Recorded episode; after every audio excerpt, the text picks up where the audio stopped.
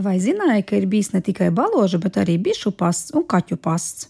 Nevienam nav noslēpums, ka pasta un informācijas sūtīšanai tika izmantoti baloži. Pirmajā kara laikā pasniegi baloži bija tik izplatīts informācijas nodošanas veids, ka pretinieks speciāli apmācīja vanagus, lai notriektu šos informatorus.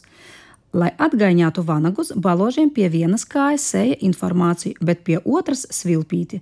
Taču tas nedeva mieru frontes abām pusēm. Svilpa lodes, svilpa baloži, ne uz mirkli nebija klusuma. Tāpēc cilvēcei nācās domāt citus ziņošanas veidus. Reti kurš zina, ka informācijas sūtīšanai izmantoti arī dažādi lidotāji - kukaiņi.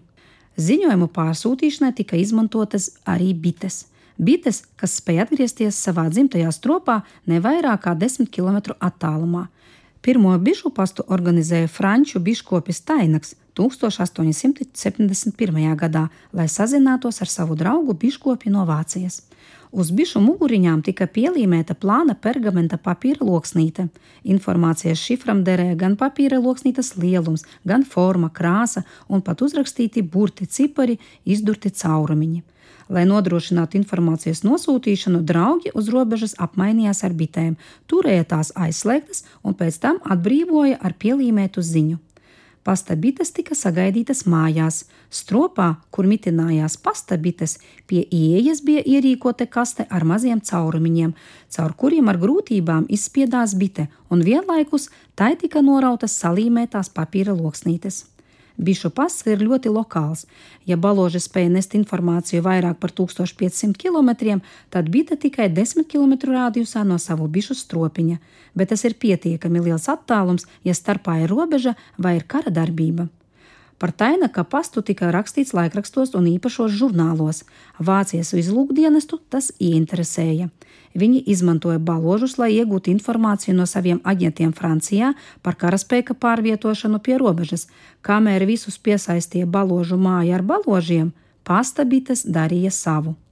Kad tuvojas Pirmais pasaules karš no Francijas uz Vāciju, tika sūtītas bites ar ziņām par karaspēka skaitu pierobežā. Biškopji bija aptinuši bites vēdru ar plāniem zīda diegiem. Sarkans nozīmē kainieku parādīšanos, zaļš - artilēriju, zils - kavalēriju. Robežas otrā pusē tika pētīti zīda pavadieni un gatavojās sagaidīt pretinieku. Šo neparasto metodi izmantoja Francijas armijas izlūkdienesti. Dažkārt vācu pretizlūkošanai izdevās pārtvert sūtņus, ievilinot tos ar saldu cienastu. Laika gaitā bišupas uzlabojās. Uz kukaiņa spārna tika pielīmēts tikko pamanāms plankums, mikroskopiska fotoplēve. Kad bita tika pieķerta, fotoplēve tika palielināta un uztaisīta fotografija. Tādā veidā pārnēsāja gan kartes, gan tekstus. Par radio sūtītu ziņu var pārtvert, balodi var pamanīt, bet bite gandrīz nenotverama. Cilvēks bijis ļoti radošs informācijas pārnešanas veidu izgudrošanā. Informāciju palīdzēja nest suņi, ziemeļbrieži, ēzeļi, zirgi, kamieļi. Savu lomu veica arī mājas kaķis. Viduslaikos izplatīts bija kaķu pasts. Kaķim tāpat kā balodim un bitei piestiprināja ziņojumi un palaidu no mājas. Kaķis labi zināja, kurp doties. Kā kaķis zināja, kurp doties, tam kalpoja ēšanas refleks. Divi saimnieki ar barošanu pieradināja kaķīti, ka tam ir divas mājas, jo tālāk atradās māja viena no otras, jo vērtīgāks kaķis pasniegs. Cilvēkam nebija jātērē savus resursus, lai ietu un nodotu ziņu. Kad refleks tika izstrādāts, kaķim piestiprināja ziņojumu un nebaroja. Kaķis ilgi neuzkavējās, jo labi zināja, ka ir vēl viena māja, kur baro. Tādā veidā ziņa tika nosūtīta.